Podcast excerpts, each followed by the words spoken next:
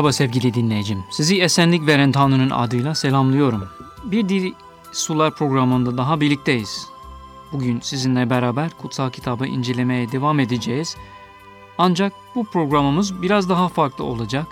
Bildiğimiz gibi her 9 programdan sonraki program o 9 program üzerine bir sohbet olacak. Bugün o sohbetlerin ikincisini gerçekleştiriyoruz. Ve bu sohbet programında konuğumuz Mesih inancını benimsemiş İbrahim Kaya yine bizimle birlikte olacak. Sayın İbrahim Bey hoş geldiniz. Hoş bulduk. Geçen programlarımızda e, hatırlayacağınız gibi e, İbrahim Bey e, ilk tekvinin ilk bölümlerini ele almaya çalıştık. Orada insanın nasıl günaha düştüğünü ve Tanrı'dan uzaklaştığını gördük. Belki de hatırlamazsınız ama siz bir şey diyordunuz o ilk e, sohbetimizde ve zamanımız kalmadı. Orada e, Tanrı'nın bu yargı sonucunda insanları bahçeden uzaklaştırdıktan sonra gene onlara bir vaat vermişti. Ve o vaat ile ilgili bir şey diyecektiniz ama zamanımız kalmadı. Acaba bilmiyorum hatırlar mısınız?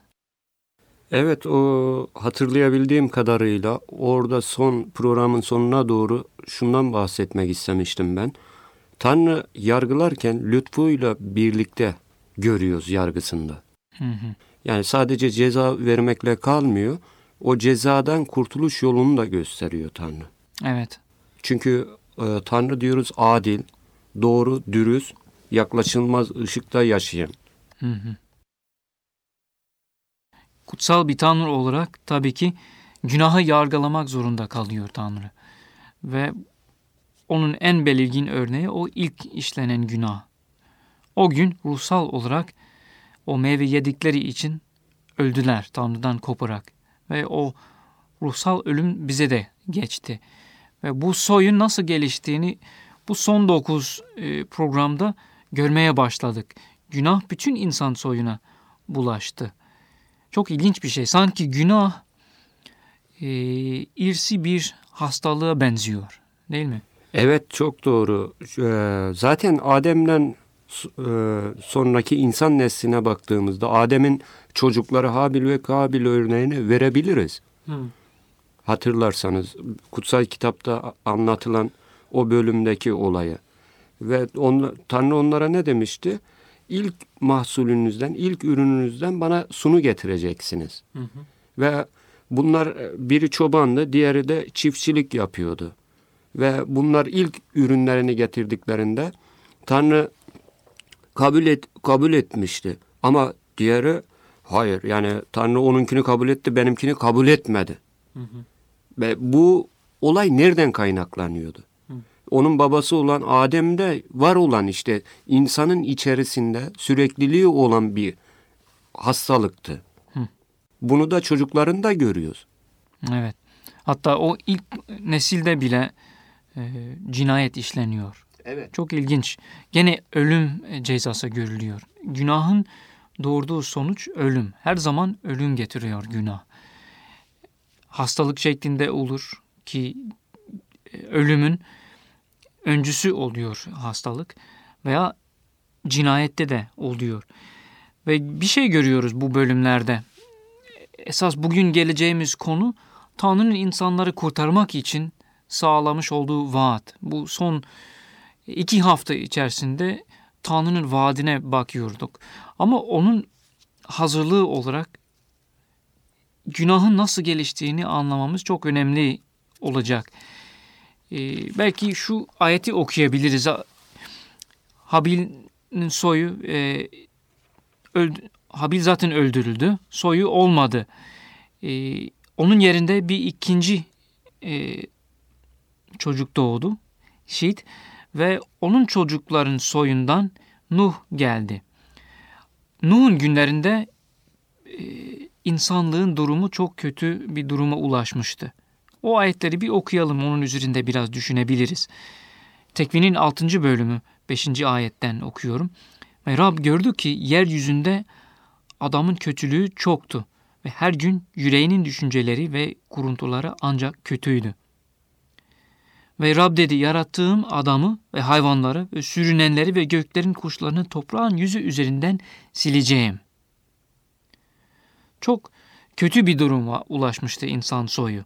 Hatta biraz aşağıda gene diyor ki Allah'ın önünde yeryüzü bozulmuştu ve yeryüzü zorbalıkla dolmuştu. Allah yeryüzünü gördü ve işte bozulmuştu. Çünkü yeryüzünde bütün beşer yolunu bozmuştu. Her şey insanın günahından kaynaklandı ve bütün yeryüzünü silmeye karar verdi. Aslında çok e, ilginç bir durum. Bugünkü durumumuza baktığımız zaman bilmiyorum siz nasıl düşünüyorsunuz İbrahim Bey ama dünyaya baktığımız zaman buna benzer bir durumda olduğumuzu görüyorum. Çok doğru tabii ki. Aynı söylediklerinize ben de katılıyorum. Farklı bir durum değil. İlk atalarımızdan bugüne kadar var olan şey hala birçok konuda düzelmiş değil. Tanrı'nın o kadar insanlara anlatmaya çalıştığı olayları iyice irdelediğimiz zaman bu sonucu günümüzde de hala devam ettiğini yargısını çıkartmış oluruz. Evet. Ve günahın yalnız bir eylem olduğu değil de e, yüreğinin düşünceleri diyor ve kuruntuları ancak kötüydü. İnsanın kötülükleri düşüncelerinden kaynaklanır. Demek ki insanın yapısı, yapısında olan bir şeydir günah. Düşüncelerinden, yüreğinden kaynaklanıyor. Ve ancak kötü demesi çok e, kapsamlı bir ifade. Ancak kötüydü diyor. Peki e, çok ağır bir ceza değil mi? Bütün yeryüzünde yaşanan insanları silmek bir tufanla. Nasıl karşılarsınız? Bakın öyle ilginç örnekler veriyor ki Tanrı başlangıçtan itibaren. Bunu daha önce de konuştuğumuz gibi Adem'den sonraki ilk kuşak olan çocuklarının birinin diğerini öldürmesi. Burada bireysellik var. Hı. Ama daha sonra yine insanların bozulması ve Nuh zamanına kadar bütün insanlığın ne şekilde olduğunu deminki okuduğunuz ayetler açık ve net şekilde bizlere gösteriyor. Ama şunu da dikkat etmemiz gerekiyor, göz ardı etmememiz gerekiyor. Özellikle Tanrı'nın bir planı var. Bu planı her devrede, her zaman dilimi içerisinde açık ve net şekilde unutulmaz örneklerle bize vermesi Hı. olarak görüyorum ben. Orada şunu e, göz önüne getirebiliriz. Diyor ki fakat Nuh Rabbin gözünde inayet buldu. O şeyi hatırlat, hatırlatıyor bana. Evet Tanrı yargıla, yargıladı Adem ve Hava'yı ama onlara bir onun soyundan gelecek birinden söz etti. Bir ümit verdi. Gene burada bu ayet insanlığı bir ümit bırakıyor. Nuh Rabbin gözünde inayet, lütuf buldu. Çok ilginç bir düşünce. E, tabii ki şimdi o kadar insan bozulmuş olan insanların içerisinde kendine yakın olan Nuh lütuf buldu Tanrı'nın gözünde. Üzerine basa basa söylediğiniz gibi. E, buradaki o lütuf bulma olayı o Tanrı'ya ne kadar da olsa yapılan şeylere karşı kendini sorumlu hissediyordu. Ve yaşam biçimini Tanrı'nın istekleri doğrultusunda yapmaya çalışıyordu Nuh. Buradan bunu görebiliriz. Bunu anlayabiliriz. Ama şimdi bu demek değildir ki e, peki Tanrı o kadar acımasız mı? Bilmiyor muydu ki o insanların bozulacağını sadece Nuh'u ve çevresindekileri kurtardı diye bir soruyla kendi kendimizi düşündürebiliriz. Evet tabii ki. Ama e, o zaman e, şöyle düşünmemiz lazım. Eğer Tanrı sırf onun isteğini sürekli yerine getirecek bir robot robot yaratmak isteseydi yapabilirdi. Ama bunu yapmadı. İnsanı geçen birlikteyken söylediğimiz gibi insanı özgür yarattı. Ve o özgürlük içerisinde her zaman isyan etme olasılığı vardı. Çok ilginç bir şey. Ve bununla birlikte acımasız geliyor da Tanrı'nın kutsallığını düşünmemiz lazım. Tanrı öyle kutsal bir Tanrı ki günaha bakamaz. Tahammülle bakamıyor. Ve bunun için cezayı da vermek zorunda. Tanrı'nın yapısından kaynaklanan bir ikilem var diyebiliriz. Bir taraftan kutsaldır Tanrı. Günaha mutlaka cezalandıracak. Öbür taraftan Tanrı sevgidir diyoruz. Bu iki niteliği bağdaştırmak çok ilginç bir e, tezat oluşturuyor. Ve o onu Tanrı'nın planında görebiliriz. Daha sonraki bölümlerde zaten açık bir şekilde göreceğiz ama burada ima ediliyor. Öyle değil mi? Evet çok doğrusunuz tabii ki. Ben de katılıyorum bu düşüncenize. Buradaki asıl olan gerçek Tanrı'nın bir vaadi vardı. Hmm. O vaadi Nuh'ta hala devam ettiğini bize gösteriyor aynı zamanda. Çünkü insanı o kadar çok seviyor ki yaratmış olduğu o mükemmel yaratığı o kadar çok seviyor ki hala o vaadini devamını Nuh'u kurtararak ondan sonraki nesillerin hayatlarının devamını sürekliliğini sağlamak için kurtardı. İstese Nuh'u da Tanrı yok edebilirdi. Evet. Ve hatırlarsanız orada bundan sonra diyor dünyayı suyla vurmayacağım diyor Hı. Tanrı. Bir antlaşma yapıyor. Antlaşma Nuh'a. yapıyor. Evet. Doğru. Aslında Nuh'tan sonraki nesile gelelim. Orada Nuh'un oğulları çoğaldıktan sonra bir halk oluyorlar ve e, yeryüzünü doldurmak zorundalar. Rab böyle bir emir verdi onlara. Ama onlar çok ilginç bir şekilde Tanrı'ya karşı gelmeye e, düşündüler. Dağılmayalım dediler. Dağılmayalım. Biz kendimize bir kule yapalım. Gökleri erişecek, başı gökleri erişecek bir kule yapalım. Bu kule de Babil'deydi. Ee, çok ünlü bir olay Babil Kulesi olayı ve çok anlamlıdır. Siz onu okudunuz, üzerinde düşündünüz. Ne gibi e, şeyler düşündünüz acaba? Yine işte insanoğlunun içerisindeki var olan o büyüme, yücelme, kendini büyük görme ve hakim olma isteği. Hı. Babil Kulesi'nin yapış amaçları neydi demin de vurguladığınız gibi. İşte kendimize yüksek bir yer yapalım ve kendimize bir nam yapalım e, aynı zamanda diyorlar. Kendimize bir nam yapalım. Evet yani burada tıpkı şeytanın çalışma metotlarını hiç değiştirmeden devam ettiğini görüyoruz. Hı. Ne demişti havayı ayartırken şeytan? Siz o meyveden yerseniz Allah gibi olacaksınız. Hı. Dikkat edelim burada. Evet. Allah gibi olacaksınız. Yine insanoğlunda değişim yok. Evet. Babil Kulesi'nde de görüyoruz bunu. En iyi örneklerden bir tanesi. Doğru ve yine Rab müsaade etmedi. Yargıladı. Onları dağıttı. Orada diller karıştı. Ve uluslar oluşmaya başladı. Ve artık Tanrı onları da tıpkı Adem'le Hava'ya yaptığı gibi e, dünyayı sürdü. Ve aralarından bir insan seçti. Addaşınız aslında İbrahim e, seçti ve İbrahim'i seçerek e, yeni bir e, devreye başlattı. Yeni bir amacını ileri götürecek bir e, yeni bir oluşum e, başladı. Onu bir okuyabiliriz isterseniz 12. bölüm. Biz bu sohbet programlarında e, önceki programların en can alıcı noktalarını almaya çalışıyoruz ve burada İbrahim'in hayatında Babil Babilliydi İbrahim ve onu Babil'den çağırdı Tanrı ve çağırdığı sözler e, çok ilginçtir. Rab Abram'a dedi. O zaman ismi Abram'dı. Sizin adınız hiçbir zaman Abram olmadı değil mi? Hayır. Abram'a dedi memleketinden ve akrabanın yanından ve babanın evinden sana göstereceğim memlekete git ve seni büyük millet edeceğim.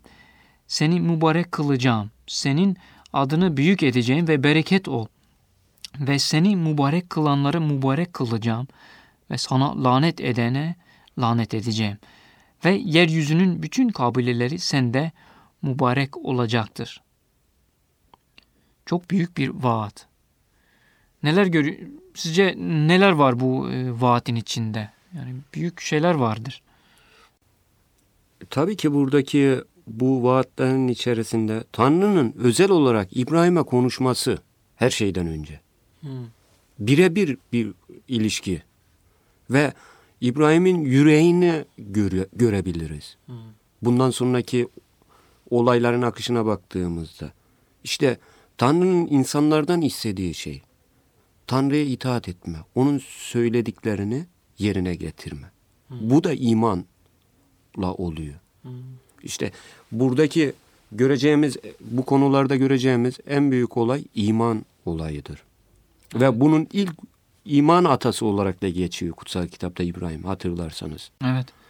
Nereye gideceğini bilmeden İbrahim yola çıktı, itaat etti. Rabbin kendisine söylediği gibi gitti diyor. Ve ilginç olan da ne biliyor musunuz? O dönemdeki olaylara baktığımız zaman, yaşam biçimine baktığımız zaman putperestlikler, şunlar bunlar hat safhadaydı. Ve İbrahim o kadar sahte tanrılar varken o göremediği ama duyduğu, hissettiğinin sesini dinledi. Evet, evet. Babil'den çağrıldı zaten. Evet. Babil'de putperestliğin e, bütün o şeylerin kaynağıydı. O hatta o kulenin tepesinde e, ne diyorlar e, falcılığın yıldız falcılığın merkeziydi. Oradan çıktı bütün olaylar. Ve İbrahim öyle bir ortamda yetiştiği halde dediğiniz gibi kendisine seslenen yani görünmez Tanrı'nın sesini e, dinledi ve yola çıktı. Hayatını özetleyecek olursak ne diyelim şimdi İbrahim neyi kavuştu? Büyük servetleri kavuştu mu? Büyük e, mülk sahibi, mal sahibi oldu mu? Yeryüzünde bir kral oldu mu? Hiç olmadı değil mi? Evet. Tam tersi yeryüzünde çadırlarda yaşadı. Ee, herhangi bir toprak toprak bile e, elde edemedi hayatı boyunca. Bir tek karısını gömecek kadar bir toprak parçası alabildi. Ama başka bir şey için bekliyordu. Onu isterseniz gene e, güzel bir e, bir iki özet ve merkez ayet var. 15. bölümde Şimdi Tanrı İbrahim'e demişti ki senin soyunu çoğaltacağım. Ve tabii ki bu neyi gerektiriyor? Çocuğu olması gerekir. Burada e, ama zaman geçiyor. Yıllar geçiyor ve İbrahim çocuksuz. Sonunda Abraham 15. bölümde şöyle diyor Tanrı'ya. Ya Rab Yehova bana ne vereceksin? Ben çocuksuz gidiyorum. Nasıl olacak bu iş? Sen bana vaatler verdin soyumla ilgili, zürriyetimle ilgili ama çocuğum bile yok. Bilmiyorum, sizi bilmiyorum ama bazen Tanrı'nın Tanrı'yı beklemek o kadar kolay bir şey olmuyor. Bazen kendimizin de beklediği ve Rabbin bizim için yapmak istediğimiz şeyler oluyor. Hatta vaadine göre şeyler var. Ama hemen gerçekleşmiyor. Ne oluyor o zaman bizim için?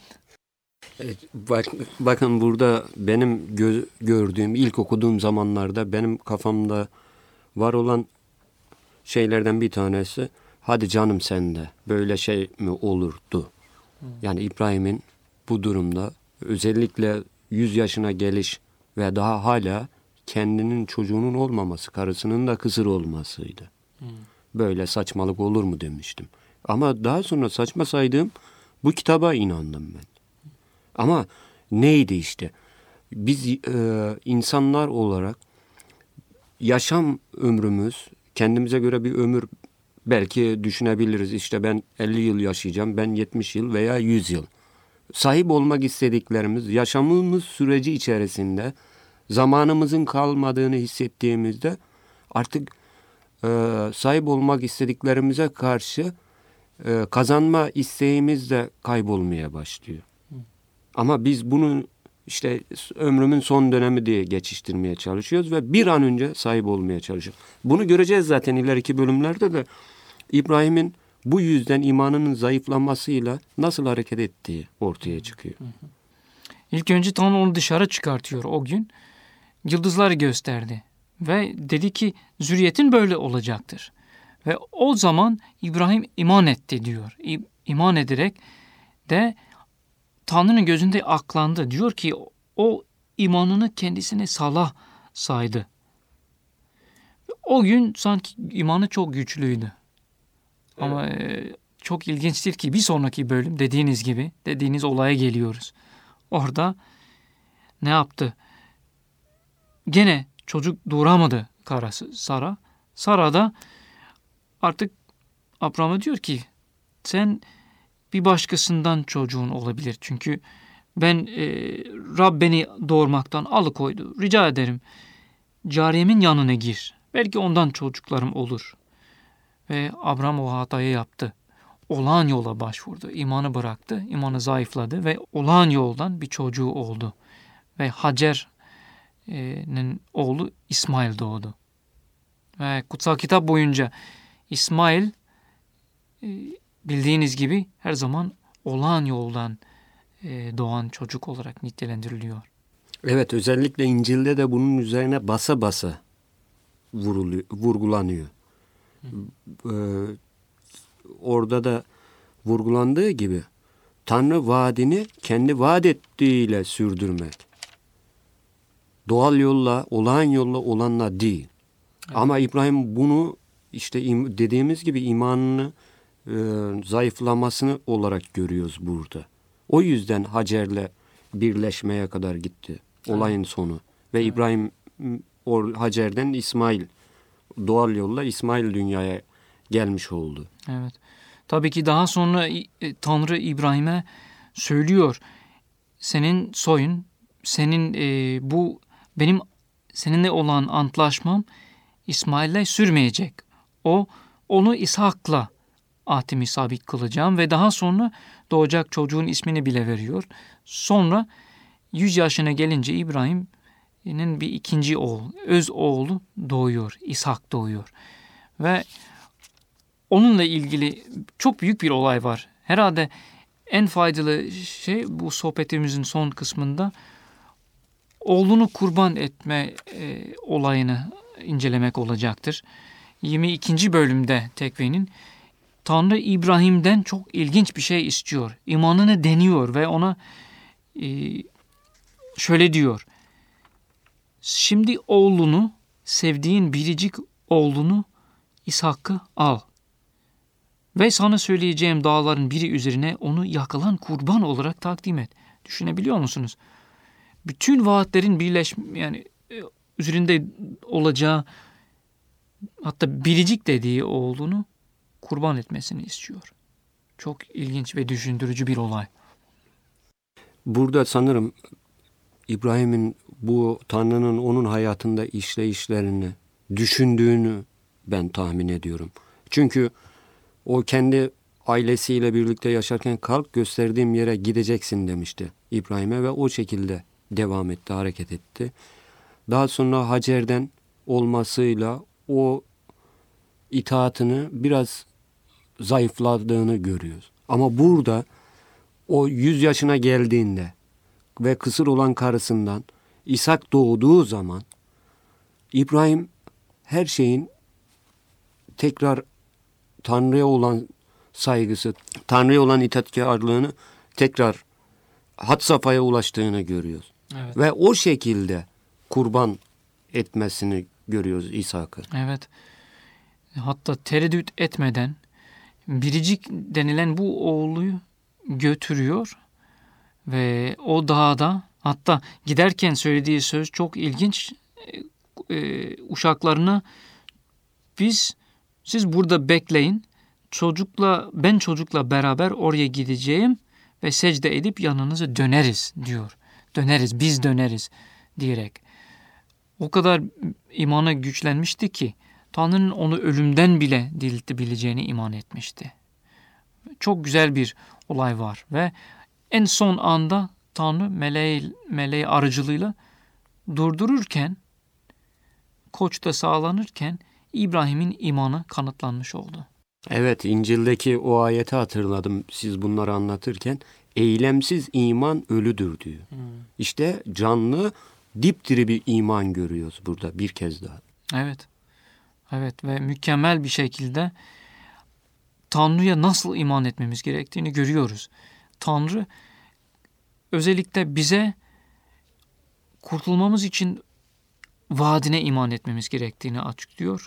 Kutsal kitap boyunca bize öğretmeye çalıştığı ana gerçeklerden bir tanesi odur. O bize vaat verdi. O vaade iman edersek kurtuluruz. Aklanırız. Günahlarımızdan da kurtuluruz. Tanrı İbrahim'in bu imanını gördüğü zaman şöyle dedi. Zatım hakkı için yemin ettim. Madem ki bu şeyi yaptın ve biricik oğlunu esirgemedin, seni ziyadesiyle mübarek kılacağım. Ve bütün o bereketlerini ona verdi. Tekrarladı. Yemin etti. Zürriyetinde yerin bütün milletleri mübarek kılınacaktır. Tanrı'nın planı özellikle anlatmaya çalıştığımız bir şey bu programlarda Tanrı'nın bütün planları bir soyda gerçekleşecek. Gene addaşınız olan İbrahim'in soyunda. Ama ne yazık ki e, zamanımızın sonuna geldik. E, gene teşekkür etmek istiyorum katıldığınız için. Ben teşekkür ederim. Bir dahaki sohbet programımıza gene bekleriz. Ümit ederim. Evet, sevgili dinleyicim Gelecek Diri Sular programında görüşmek ümidiyle size iyi günler dilerim. Tanrı'nın bereketi üzerinizde olsun. Hoşça kalın. Hoşça kalın.